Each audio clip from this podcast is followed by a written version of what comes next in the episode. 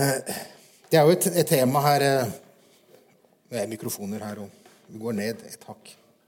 Sånn. Så får du se om du får meg på kamera. Det blir litt lavere her. Eh, det å møte, møte mennesker med, med åndelige, åndelige, spørsmål, eller når vi blir møtt med åndelige spørsmål, det er jo ikke noe som vi så ofte kanskje blir. Man blir det kanskje noen ganger i Norge, møtt med det. Men eh, og kanskje de fleste gangene hvis man blir møtt med åndelige spørsmål, så er det gjerne ikke spørsmål for å egentlig snakke om dype ting, men det er bare for å diskutere, debattere, for et eller annet greie. ikke sant? Så derfor kanskje mange av oss, de fleste av oss, har litt sånn dette med at folk begynner å stille spørsmål til, eh, til ting. Man er liksom ikke villig til å gå helt frivillig inn i det. Nødvendigvis, da. Fordi man opplever at man hele tiden skal stå i forsvar. Eh, I forberedelse til, eh, til dette, dette, temaet da, så eh, måtte jeg eh, måtte jeg ha litt hjelp, selvfølgelig. Det må jeg alltid ha. Og Da er det greit å ha hjelp til andre som har på en måte både lever i det og har skrevet mye mer om det. Eh, jeg har satt opp på skjermen her tre bøker som jeg anbefaler.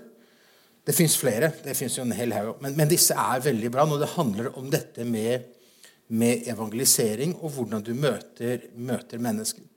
Eh, denne av eh, William Fay eh, den er eh, veldig interessant, fordi den bygger litt, litt av det han sier, kommer jeg til å bygge inn i det, det vi kommer til å dele i dag. Eh, blant annet. Så kan jeg fortelle hva det er. da. Så den er veldig bra. Eh, Billy Graham det er en eh, masterplan of evangelism. Altså, Billy Graham han har kommet et forord på det. Da. Den er veldig bra, fordi den er eh, veldig enkel, enkel bok.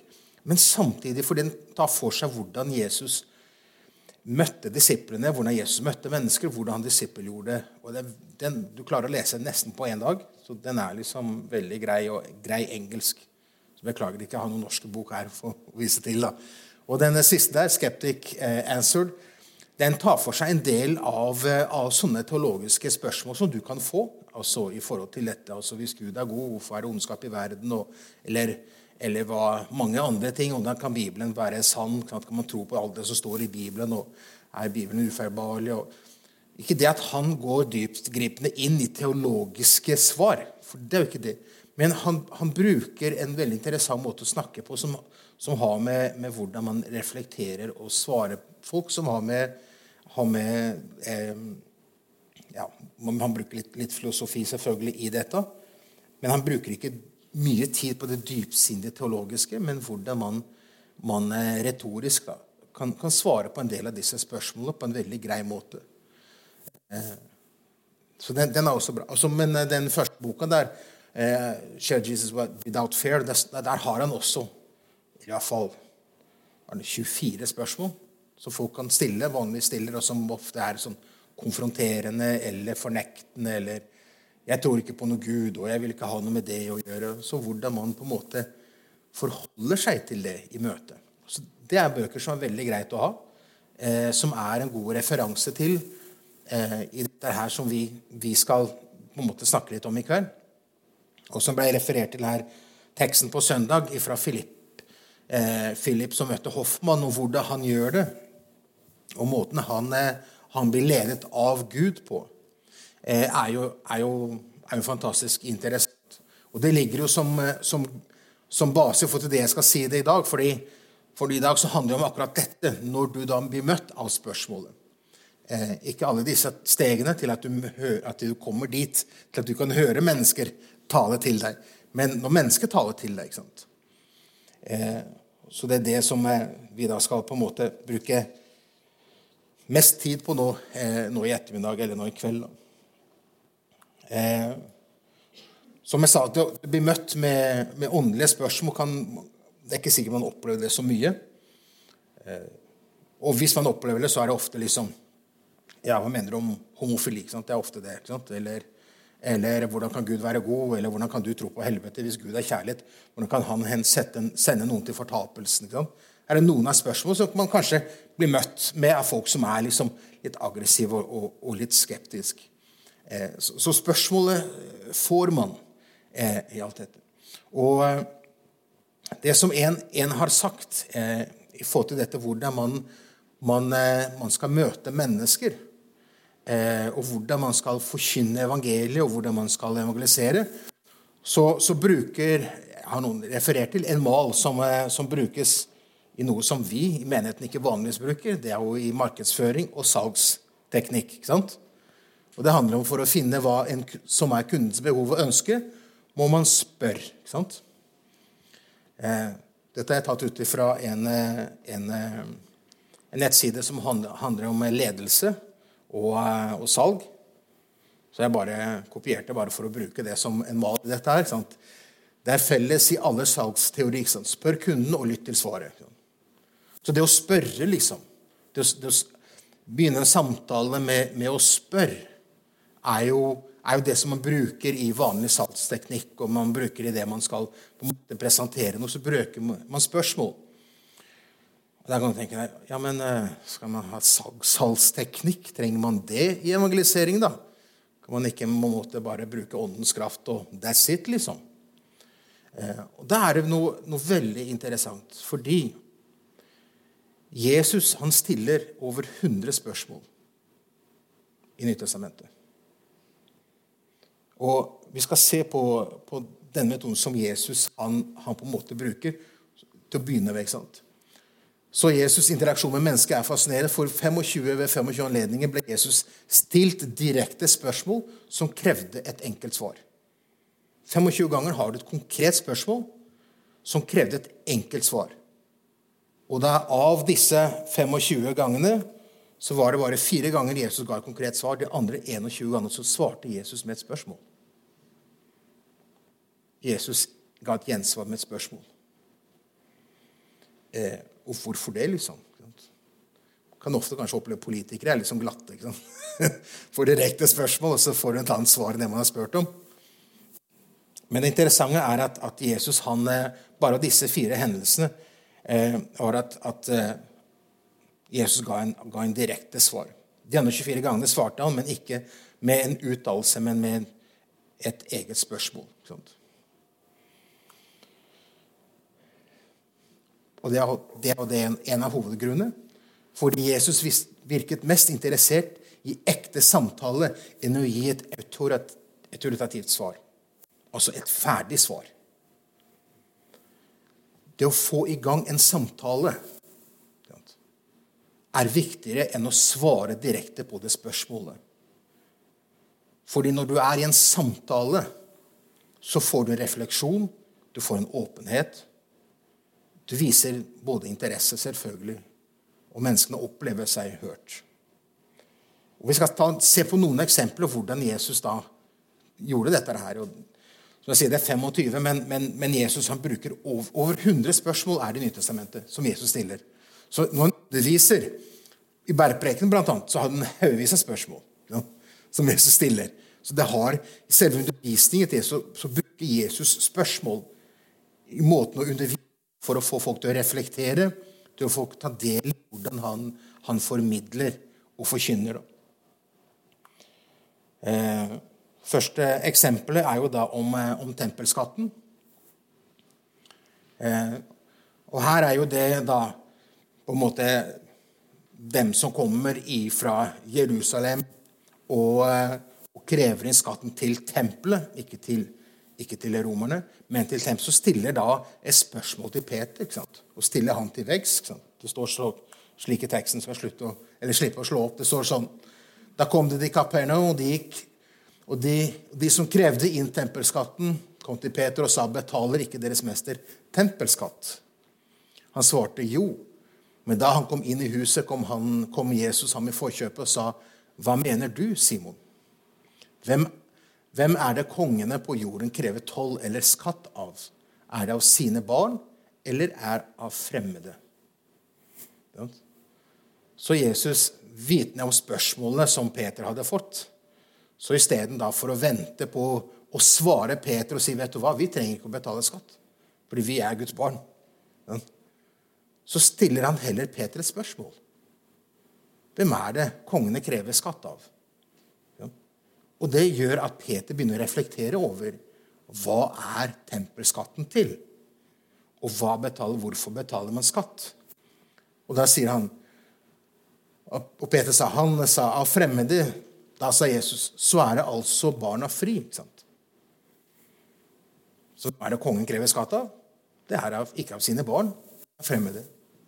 Og vi som kongens barn, eller vi som Guds barn, i forhold til tempelskatten, så er vi fri.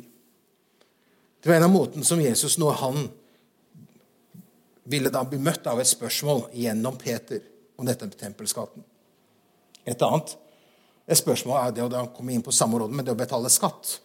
Og det er klart at For oss så er jo det å betale skatt et, helt, et selvfølge. Så vi skjønner ikke hvorfor det skal være et spørsmål. Det skal liksom være noe som vi bør og må gjøre. Men det er klart at for en jøde å betale skatt var jo da å betale skatt til okkupasjonsmakten. Så det hadde vært som om vi i Norge under krigen skulle betale skatt til Hitler eller til Tyskland. Eh, så, betent var jo selvfølgelig forholdet, og det jo en kjent tekst. dette, ikke sant? Og da var det da noen fariseere som har dette med spørsmål igjen, at Noen kommer med spørsmål, men motivet for spørsmålet er ikke for å avklare eller for å på en måte ha en, en, hyggelig samtale, men det er jo for å sette Jesus fast eller på en, måte, på en eller annen måte ha noe å anklage Jesus på. Så motivet var jo feil. Og motivet var jo, var jo ondt.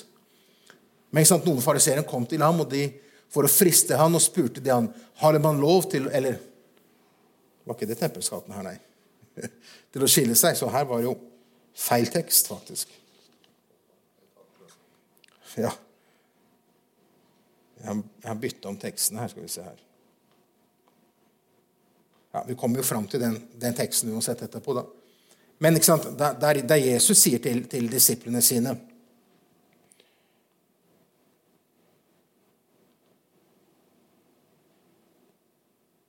Nei, bytta om eh, teksten. Men så, da Jesus eh, de kom til, til, til Jesus spør er det, er det lov å betale, betale skatt, eller skal man betale skatt, så sier Jesus eh, har, dere, har dere en denar? ikke sant? Den bildet er det på, på den denaren. Og Der kommer det en mynt. Du viser bildet, og så er det bilde av Jo, det er av keiseren. Så gi keiseren det keiser tilhører keiseren, sier Jesus. Så i et betent spørsmål som hadde et motiv av å sette Jesus fast, så møter da Jesus da dette, disse med, med egentlig med et nytt spørsmål. For å få dem til å reflektere, selv om de hadde dårlige motiver. Og her er det spørsmål om oppstandelsen. Får håpe at den, den, er riktig, da. Og Her er det også det samme. ikke sant? Spørsmålet som kommer, er jo ikke for å egentlig ut, utgangspunktet for å finne ut av For sadukeerne de trodde ikke på oppstandelsen, men det er for å sette Jesus fast. Og de sier sånn, Noen sadukeerne kom til ham og sa, og de sier Er det ikke eh, som, som, De som sier at det ikke er noen oppstandelse, de spurte ham og sa Nå var det to Eh, nå var det sju brødre. Den første tok seg en kone, men, den, eh, men døde uten å etterlate seg barn. Og den andre tok henne da, men døde uten å etterlate seg barn. Den tredje likeså. Ingen av de sju etterlot seg barn. Sist, alle, sist av alle døde også kvinnen. Men i oppstandelsen, når de står opp, hvem skal da ha henne til kone? Alle de sju har jo hatt henne til kone. Og da svarer Jesus. Jesus svarte, er det ikke derfor dere farer vill, fordi dere ikke kjenner Skriften, og heller ikke Guds kraft? Det er liksom Jesus svarer anklagene med spørsmål. Er det ikke derfor dere Så Jesus stiller et spørsmål er, er fordi de ikke forstår Skriften. Og det Jesus gjør like etterpå, er jo da å berette. Gud, når han åpenbarer seg, så sier han at 'jeg er Abraham'. Isak og Jakobs Gud. Gud sier ikke 'jeg var Abrahams', men 'jeg er'. Som om Abraham er i live på en eller annen måte. Med det så viser Jesus dem ikke sant? er at de feiltolker hans ord. Men du ser Jesus møter anklagene med spørsmål. Så disse nye salgsteknikker eller sagt, som man bruker i dag, Jesus brukte det i dialog med mennesker. Ikke som en salgsteknikk, men en måte for å få mennesker til å reflektere over, over det de, det de sa. Eller f.eks. kvinnen som var grepet i ord. Jeg har ikke satt opp teksten her. Men interessant er jo det som vi kjenner godt når de anklager henne. Og, og, de står der, og Jesus står og tegner i bakken, og så reiser han seg opp og så sier han at ja, den som er uten, uten synd, får kaste den første sten. Sant? Og da går de vekk. Men hvordan forholder seg Jesus seg til kvinnen? For til disse andre så kommer Jesus med konkret svar. Men til kvinnen, da? Hva er det Jesus sier til henne? Hvor er dine anklagere? Kan ikke Jesus bare sagt til henne du, nå har de dratt sin vei, så du er ikke anklaget, så nå kan du bare gå? Men Jesus spør henne. ikke sant? Hvor er dine anklagere? Så Jesus inviterer henne inn i en refleksjon ikke sant? og sier de er ikke her. Nei.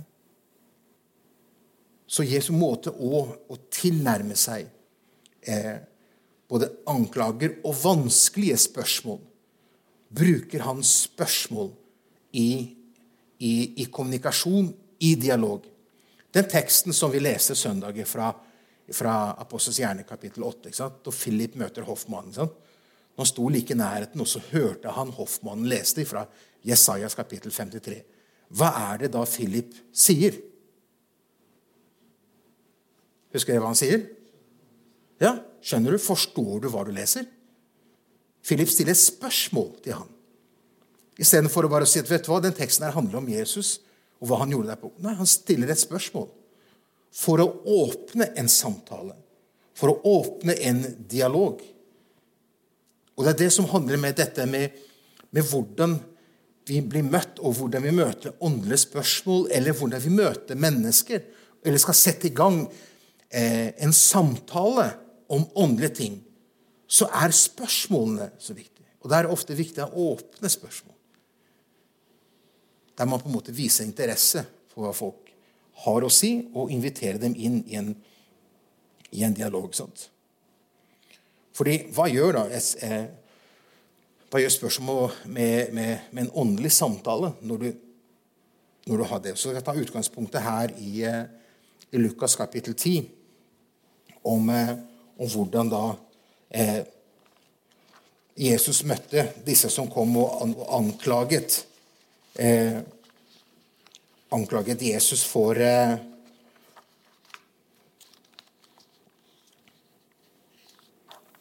for å være en, vranglærer. Men, men, men, av disse sadukeene, eller de, de, skriftlærde, eller de, de lærde, da, det sier det så, Du kan lese teksten. Så står det sånn.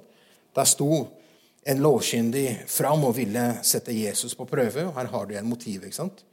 Mester, sa han, hva vil hva skal jeg gjøre for å arve evig liv? Eh, hva står i loven? sier Jesus. Eh, hvordan leser du? Han svarte, du skal elske din Gud av hele ditt hjerte, av hele din sjel og all din kraft og all din forstand, og din neste som deg selv. Da sa Jesus, du svarte rett. Gjør det, så skal du leve. Så Jesus kom med oppmuntring og sa ja, helt riktig. Så tone ned konfrontasjonen for å skape en dialog. Men han andre han var jo ikke interessert i dialogen. Han var jo mest interessert kanskje i konfrontasjon og var ikke fornøyd med det. fordi da står det Men han ville rettferdiggjøre seg selv og spurte Jesus hvem er så min neste, da? Og det her Jesus forteller denne lignelsen som av den barmhjertige samaritanen, som er da så sjokkerende fordi, fordi her er jo det plutselig en, en samaritan som viser viser en godhet eh, istedenfor prester eller levitter. Da står det eh, på slutten der Da Jesus spør han om du legger eh, ja, da står det, Der var streken, så står det Hvem av disse tre, spør Jesus, synes du viste seg som den, den eneste for han som ble eh, den neste for han som ble overfalt av røverne? Altså. Hvem av disse tre synes du nå viser seg som en neste for han som ble overfalt av røverne? Og det er jo det veldig ledende spørsmål, for der sitter han der. ikke sant? Og da må han fariseen si selvfølgelig, i forhold til din historie, så var jo den, den som viste barmhjertighet mot ham Han sa ikke engang samaritaner. Han sier han som viste barmhjertighet imot. Men du ser hvordan Jesus han i, i dette i denne samtalen på en måte prøver å eh, begynne med, med, å, med, å, avklare spørsmål. Det er noe som vi alle trenger å svare på. Det åndelige spørsmålet.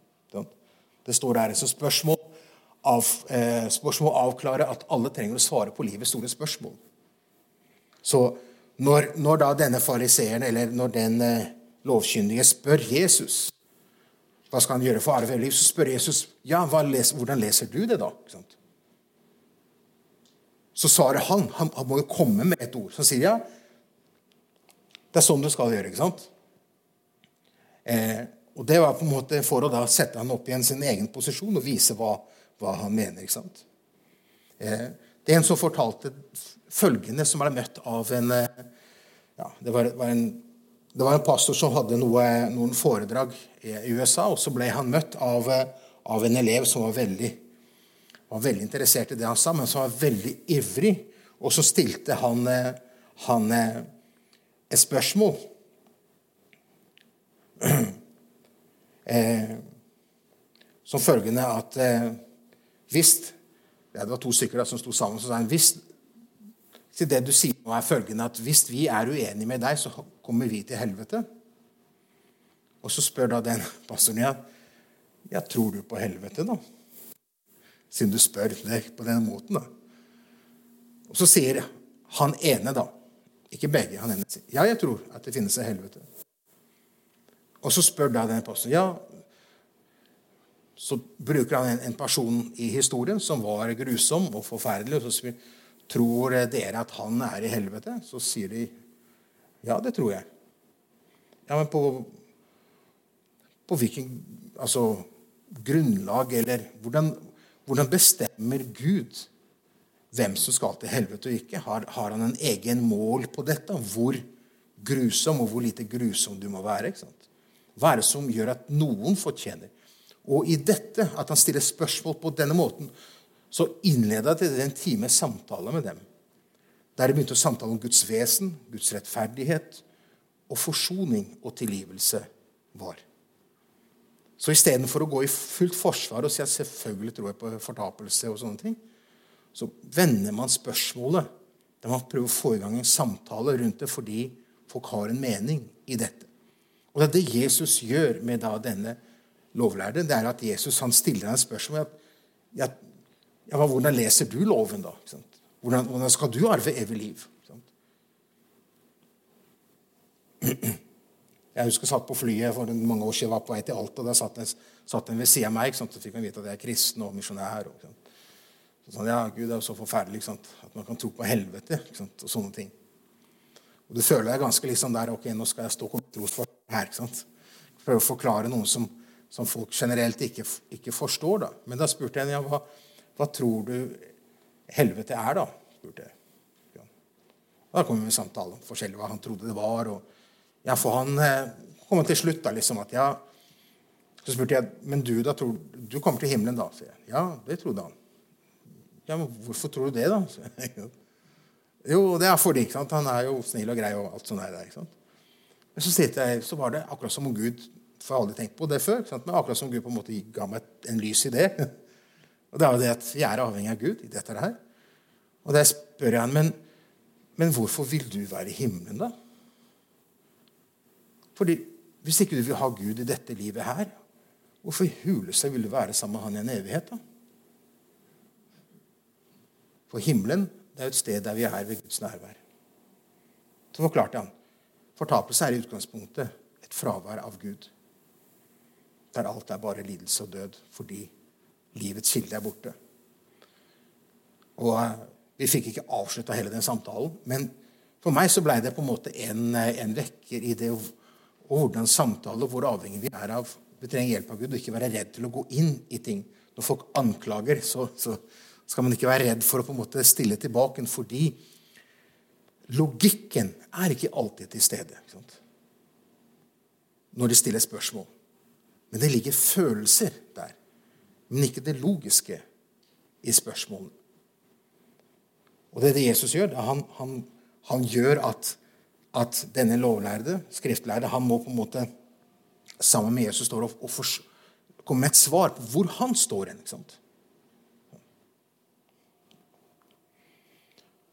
Og det andre som Jesus gjør, det, ikke sant? spørsmål der som trer inn i kjernen av problemet. For det første handler om hvordan han skal få evig liv. Og Det er, det er bare sånn overfladisk. Sant? Du skal gjøre det og det. Og Jesus sier ja, flott, du svarte riktig. Men, men han ville rettferdiggjøre seg. Så det neste spørsmålet er jo da som eh, den skriftlærde kom. med. For den lovkyndige ønsker å rettferdiggjøre seg selv, og Jesus ønsket at han skulle leve et rettferdig liv. Det er ikke sant? Hvem er nabo for denne mannen? Eller hvem er vår neste? Denne mannen. Hvem er din nabo? sant? Når Jesus da forteller lignelsen om den barmhjertige samaritanen, så avslutter han med hvem er det da, den barmhjertige? ikke sant? Hvem var hans neste? ikke sant? Og det fikk han til å reflektere på den måten at eh, Og her falt jo alt av det på en måte det, det tankebygningene som man har og man kan ha eh, man skal svare på, på, sånne spørsmål. For det første ikke sant? Han tillot å argumentere forståelse av, av, et, av hellighet som de begge kunne være enige med. ikke sant? Det følger Guds lov. Og det andre spørsmålet hvem er eller var hans neste? Så det rev i stykker en fasade og avslørte stolthet og rasisme til mannen han snakket med. Så Jesus han flyttet samtalen. Bort fra det teoretiske og inn i realiteten i hverdagslivet. Det ble, det ble noe konkret for mannen. For i den fortellingen så plutselig møtte mannen seg selv i døra med at han ikke klarer å si samaritanen. Men den som viste barmhjertighet. Han bruker ikke ordet samaritan engang. Denne mannen. Eh.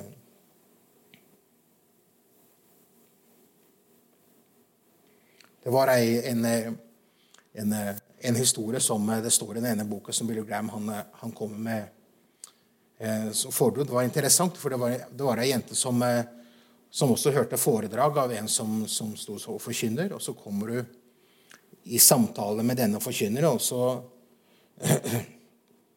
og forteller at, at, eh, for henne at hun trenger ikke noen til å definere for henne hva som er rett og galt. For hun har sin egen moral rett, og hun vet hva som er rett og galt. Hun behøver ikke ha noen til å fortelle henne det er riktig, og det er galt. ikke sant? Og, så da sier da denne passusen ja. Eh, så hvis men hvis den personen som bestemmer seg for å være en morder ikke sant? og syns det er greit, kunne han ha svart med. ikke sant? Har det vært greit? ikke sant? Han kunne vært konfronterende. Han kunne ha sagt at ja, hvordan kan du si hva som er rett og galt? liksom? Hvis hver og en skal gå etter sin egen forståelse av hva rett og galt, så blir jo det en helt skrudd verden. Men istedenfor å gå i en konfrontasjon, så gjorde da denne, denne pastoren følgende. Han, og han, eh, han sa at ja, jeg antar det er riktig det, at du kan godt vite hva som er rett og galt. Men kan jeg få lov til å stille deg et spørsmål da? Ja? Klarer du å leve opp til de retningslinjene og de moralske standardene som du setter? Og da kommer erkjennelsen at nei, det, det er ikke så enkelt. Sant? Og i den så ledet han samtalen videre og endte med at man snakket om Gud, om forsoningen, nåden og tilgivelsen. Hva det handler om. Eh, Her er det en spørsmål som leder videre i en samtale. For Vi er vant med at vi med svar så skal vi på en måte argumentere. Vi skal, vi skal vinne. Vi skal vinne saken. Men for Jesus handler det alltid om å få i gang en samtale så i samtalen får mennesker og personer til å tenke og se det på en annen måte. Og være med på en måte i en tankereise. Uten at Jesus følte seg truet. Og Det er kanskje vår store utfordring uansett hvem vi er, i møte med mennesker som kan være ganske saftige og veldig vanskelige. At vi har god veldig trosforsvar. Vi skal forsvare hva vi tror på, hva vi mener, og hvorfor det er slik.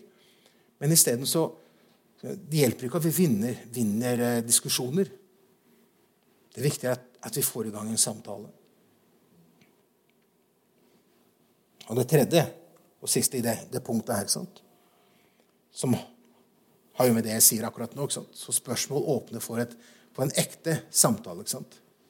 Så Jesu første spørsmål var et veldig åpent spørsmål. Så lot mannen på en måte svare hva han ville. Hvordan forstår du loven? Det er veldig åpent. Han sier Så kan mannen svare. Ja, for eksempel, man kan spørre noen hva, har, du, har du en åndelig tro?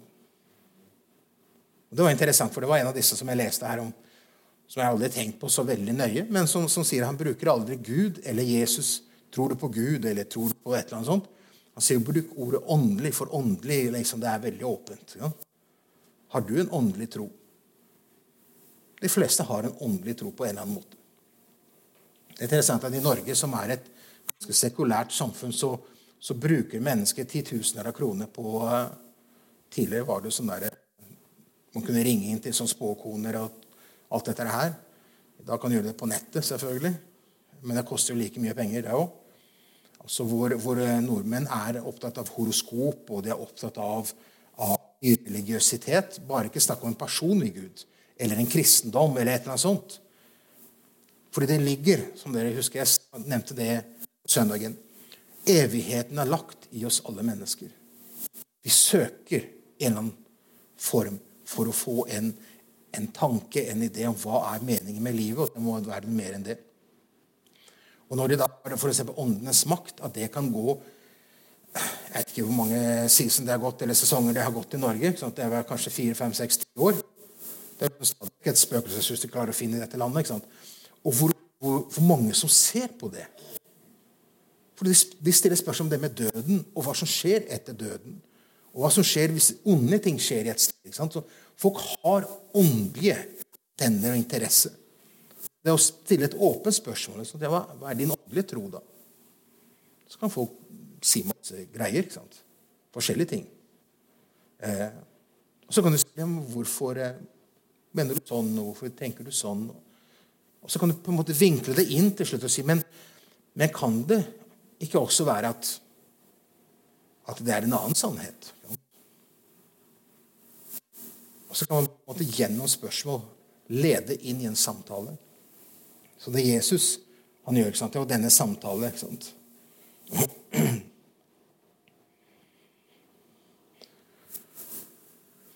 Så, så Først etter samtalen utviklet seg, gikk Jesus over til spørsmål og som krevde svar. Men Jesus prøvde ganske enkelt å trekke mannen inn i en meningsfull dialog. Og det er det. Hvis du får folk i samtale, hvis folk begynner å snakke om ting, så blir det annerledes. Det blir på en helt annen måte. Den fortelles er en historie om en, en ateistisk, en, en Gud som var ateist, og som ikke kunne tro på Gud og pga. så mye lidelser i verden. Og Så sier da han ene forfatteren av den boka at han hørte på personen snakke om og sånt, og så møter han da med, med de følgende ord og, sant, og sa følgende til denne unge ateistiske gutten Du bryr deg virkelig om de forferdelige eller så, Bryr du deg virkelig om de forferdelige ting i verden? Bryr du deg virkelig om det? Selvfølgelig gjør vi det. Men så sier gutten ja, selvfølgelig gjør jeg det ikke sant? på grunn av, av menneskeverd og alt det som er. og, eh, og det som er, For han spiller og stiller spørsmål om hvorfor bryr du deg. ikke sant? Og i dette her så sier han, eh, han mannen til slutt, han, den pastoren, sier ja, jeg hører at du egentlig høres nesten ut som, som en kristen som forteller om et menneske som har sin verdi av hva Gud har skapt, istedenfor at det skal være en verdi av noe som er tilfeldig. bare Kosmos har bare eksplodert, og så har det blitt noen mennesker rundt omkring. Eh, og Så forteller han videre i det. Så sier han det, og så spør han da hva synes du om det. Og Da begynner plutselig en samtale om dette med Guds eksistens som menneske. Hvordan han opplever, og hvordan livet er som de fleste har behov egentlig av å få uttrykke. Eh, jeg husker når jeg gikk på Ansgar og jeg var, på, jeg var i Moss og jeg skulle eh, ha ha praksis i eh, evangeliekirken. Dette her var jo 1996. Så var Gordon og Tobiassen den gangen der. Og jeg hadde en del oppgaver, og en av oppgavene som jeg hadde, var jo reise rundt nede i byen på gågata i, i Moss og evangelisere og møte mennesker. Og det er ikke greit. Det er ikke. Det er vanskelig. ja. Å stoppe helt fremmede folk som ikke ønsker å prate med noen. Men så tenkte jeg, Hvor er det jeg kan møte folk som på en måte egentlig slarver hele tida? Jo, ved kaia. Moss har jo fergekai. Og Der var det sånn standardfolk som sto ved kaia og så på fergene som gikk, kom og gikk. Jeg tenkte jeg får stelle meg her sammen med disse. Så sto jeg der, og ja, de begynte å prate om det ene og det andre. og vi begynte om forskjellige ting. Og så, I det så kommer personer i samtale med meg og spør ja, ja, hvor er du ifra. og sånt. Jeg sier ja, jeg er jo egentlig jeg sa Brasil og misjonærbarn, men akkurat nå er jeg jo utplassert her i evangeliekirken. Har du hørt om det? liksom? Å ja, det hadde han. Og han hadde ingenting til overs for kristne. For kristne var det verste slått. Han hadde blitt, Som barn hadde blitt tvinga meg til søndagsskolen hver eneste søndag, og det var bare kjipt og bare sånt og slik. Og så seinere så var det bare konflikter og masse greier. ikke sant? Og jeg bare lot han prate, fordi jeg kan, jeg kan ikke vite hva som, hva som, er hans, og hva som egentlig ikke er hans. Men, men han bare overhøvde med alt det. Så sier han det er sikkert riktig, det, det du opplever og sånt. da. Men kan jeg få si deg noe, da? Ja, ja. Uansett hvordan folk er og vært, og sånt, så elsker Jesus deg det, det, var som akkurat som jeg hadde sluppet en bombe der. Også. det var liksom, det var en helt spesiell opplevelse av å kjenne hvordan en samtale som begynte med en som var kritisk til alt, til en som plutselig på en måte åpna sitt hjerte og sa at ja, dette er, dette er noe som jeg har tenkt på. Sånn. Så det, det, det møte med åndelige spørsmål og det å, det å gi gjensvar med, med, spørsmål er noe som vi ja, vi trenger å tenke over og, og bør være, være en, del, en, del, av vårt liv og vår, og vår, strategi. Og det er det som Jesus gjorde. Og det var slik Jesus brukte samtalene. Han brukte det i samtalen, han brukte det da i den strategien av å stille spørsmål. Eh, nå har jeg neste punkt i dette her, som handler om eh, fordi hva hjelper det om folk stiller spørsmål? til deg om åndelig liv, men du ikke kan fortelle litt om din tro. Så det jeg skal nå etterpå Jeg skal fort bare gå litt gjennom dette og bære sitt vitnesbyrd. Og så skal vi dele opp i en gruppe tre og tre, maks. Og så skal hver og en få tre minutter til å fortelle denne gruppa, som om det skulle være to ikke-kristne, hvordan han kom til tro. Og Det skal vise litt og inkludere hva som skal være det. Og hvorfor skal man gjøre det? Fordi Det er veldig interessant. Dette er en statistikk fra USA, ikke fra Norge. Men i statistikken i USA viser mellom, mellom fem, bare mellom 5 og 10 av alle kristne i USA har delt sin tro løpet, i løpet av dette året. Det er bare mellom 5 og 10% av de kristne har delt sin tro i løpet av dette året. Og det er jo sikkert noe som sikkert gjenspeiles i dette nå for de fleste av oss. Så vi tar en pause nå, og så begynner vi klokka åtte. Da spiser vi litt inn den andre tida som vi hadde, så får vi, får vi begynt. Å, så, så, får du tenke litt tilbake litt på det, hva ditt vitnesbyrd er. Så skal vi ta det etterpå i en rask gruppe.